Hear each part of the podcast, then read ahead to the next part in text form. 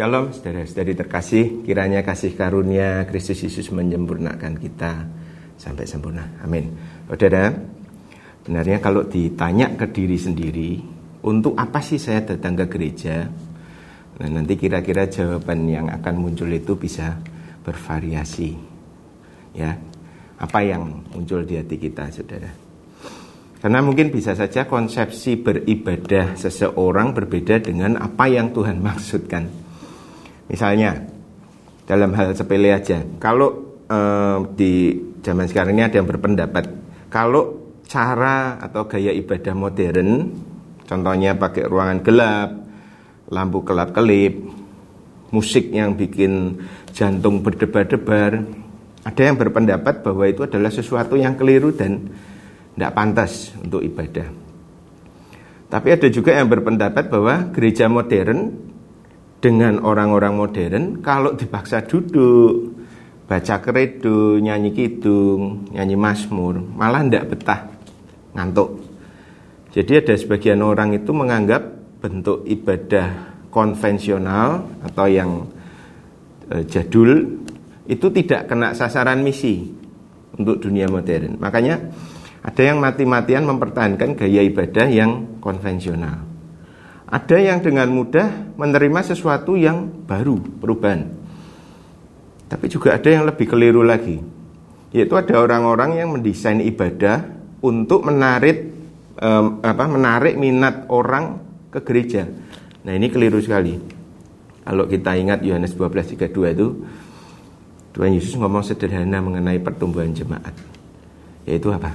Apabila Yesus ditinggikan dari bumi, Yesus akan menarik semua orang datang kepadanya. Itu prinsip pertumbuhan jemaat. Jadi seharusnya kalau mau gereja penuh jemaat, mau jumlahnya bertumbuh, ya inilah satu-satunya cara. Kalau seluruh jemaat sepakat tidak meninggi-ninggikan yang lain selain Yesus, hanya Yesus, maka gereja akan bertumbuh. Tapi itu kalau konsepsi ibadahnya sudah betul dulu.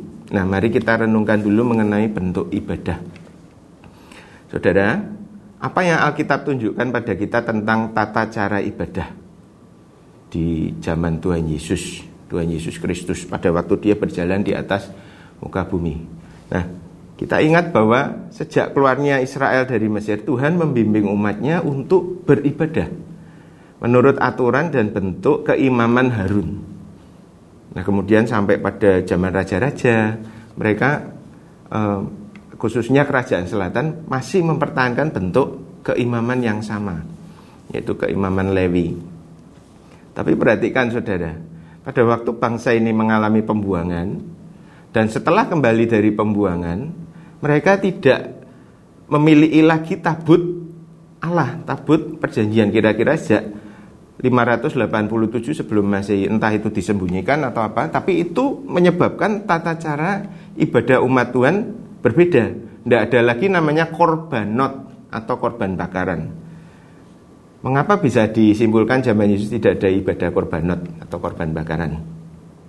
Karena meskipun via agama Yahudi, pasca Yesus itu ngaku-ngaku bahwa oh zaman Yesus itu tetap ada korban bakaran.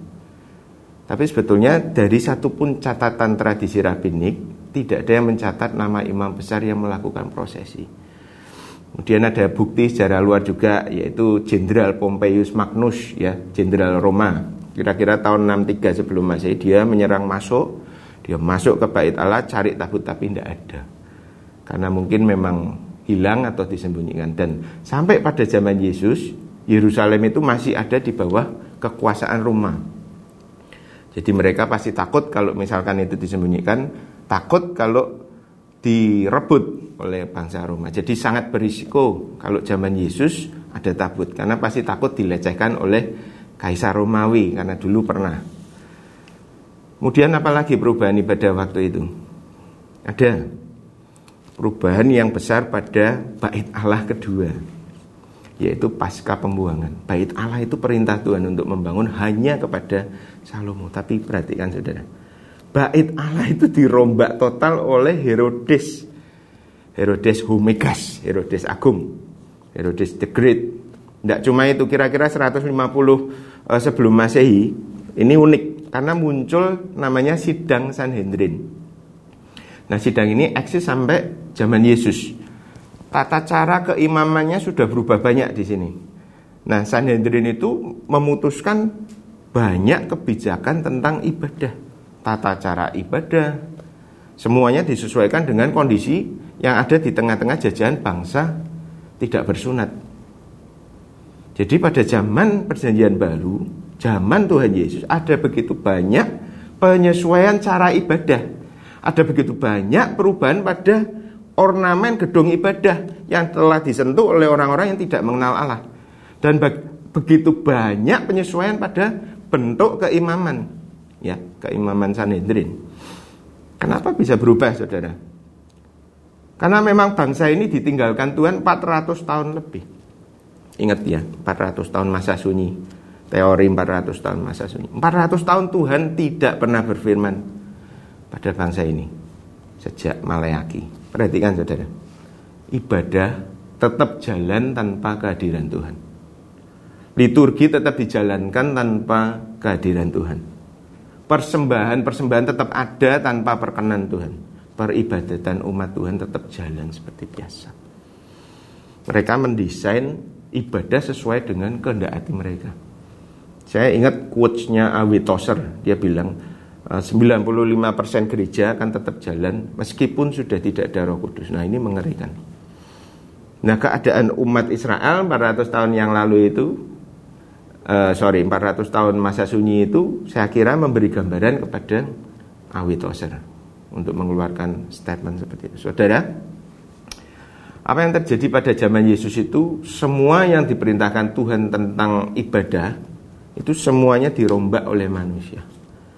Nah, kemudian setelah 400 tahun tanpa Tuhan, Tuhan Yesus datang. Allah sendiri dalam wujud manusia. Dan Tuhan Yesus merombak itu semua. Kita baca ya, Matius 15 ayat 8 dan 9. Ini yang dia rombak. Ini Tuhan Yesus. Bangsa ini memuliakan aku dengan bibirnya, padahal hatinya jauh daripadaku. Percuma mereka beribadah kepadaku, sedangkan ajaran yang mereka ajarkan ialah perintah manusia. Bangsa ini menyembah Tuhan dengan bibir mulutnya saja, tapi hatinya jauh dari Tuhan. Artinya apa? Itu artinya bentuk ibadah yang mereka lakukan adalah ekspresi dari pemuasan diri sendiri. Mereka itu beribadah, nampaknya kepada Tuhan, tapi ternyata ibadah itu mereka tujukan pada sesuatu yang bukan Tuhan. Kepuasan diri sendiri, kebanggaan kebangsaan Israel pada waktu itu, Israel, Yehuda. Maka pada ayat 9 Tuhan bilang, ajaran mereka, cara-cara mereka adalah ajaran manusia. Percuma kata Tuhan. Dan ini yang Tuhan Yesus rombak di dalam ibadah. Saudara, perhatikan apa yang Tuhan Yesus lakukan. Dia merombak cara ibadah orang pada masa itu. Tapi sekali lagi perhatikan. Tuhan Yesus tidak peduli dengan bentuk ibadah. Yesus tidak pernah berkata, runtuhkan bait Allah ini, karena ini adalah buatan Herodes. Ornamen yang ada di dalamnya salah. Tidak. Tuhan Yesus tidak pernah peduli dengan isi gedung. Perkakas bait Allah, lampu-lampu, ornamen, bokor-bokor gorden, dia tidak peduli. Yesus juga tidak pernah teriak, turunkan orang-orang yang ada di sidang Sanhedrin, karena mereka merubah keimaman. Ganti imam-imam karena mereka tidak sesuai dengan keimaman Harun dan Melkisedek. Tidak. Perhatikan saudara. Tuhan Yesus tidak ada urusan dengan gedung, dia tidak ada urusan dengan tata cara ibadah, dia tidak ada urusan dengan keimaman, tidak. Tapi Tuhan Yesus berurusan dengan apa yang lebih penting. Perhatikan saudara. Semua yang ada di dalam Matius 15 itu itu yang Tuhan concern. Semua yang ada di dalam Matius 15 itu itulah yang Tuhan pedulikan. Tuhan Yesus sedang membongkar peribadatan yang salah yaitu hati yang tidak tertuju pada Tuhan. Jadi dia tidak peduli sama semua, bahkan dia lahir dari sistem itu semua, tapi ini yang dia katakan pada bangsa ini menyembah dengan bibir, tapi hatinya jauh dari Tuhan. Ini saudara, esensi sejati dari ibadah yang berkenan di hadapan Tuhan. Yaitu kalau hati kita benar tertuju pada Tuhan. Bukan tentang lampu yang kelap-kelip.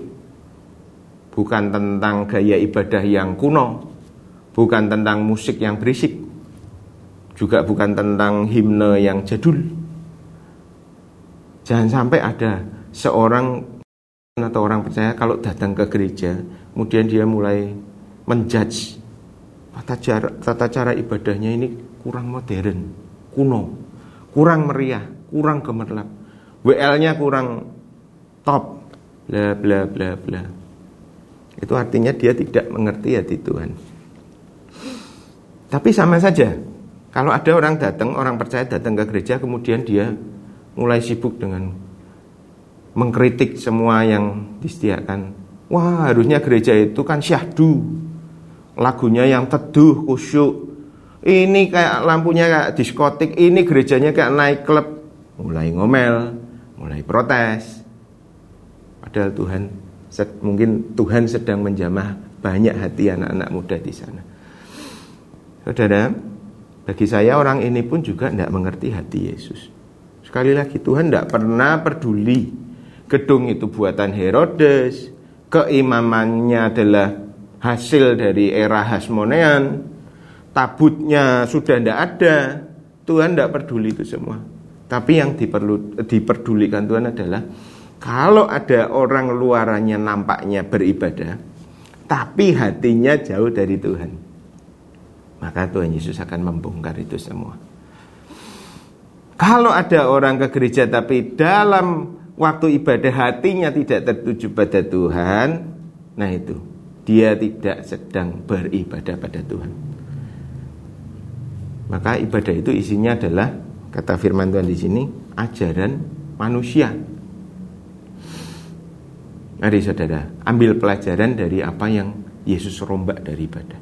Kalau kita datang ke gereja, khususkan hati kita pada Tuhan. Kalau kita memuji menyembah Tuhan, pastikan sumbernya adalah dari hati kita.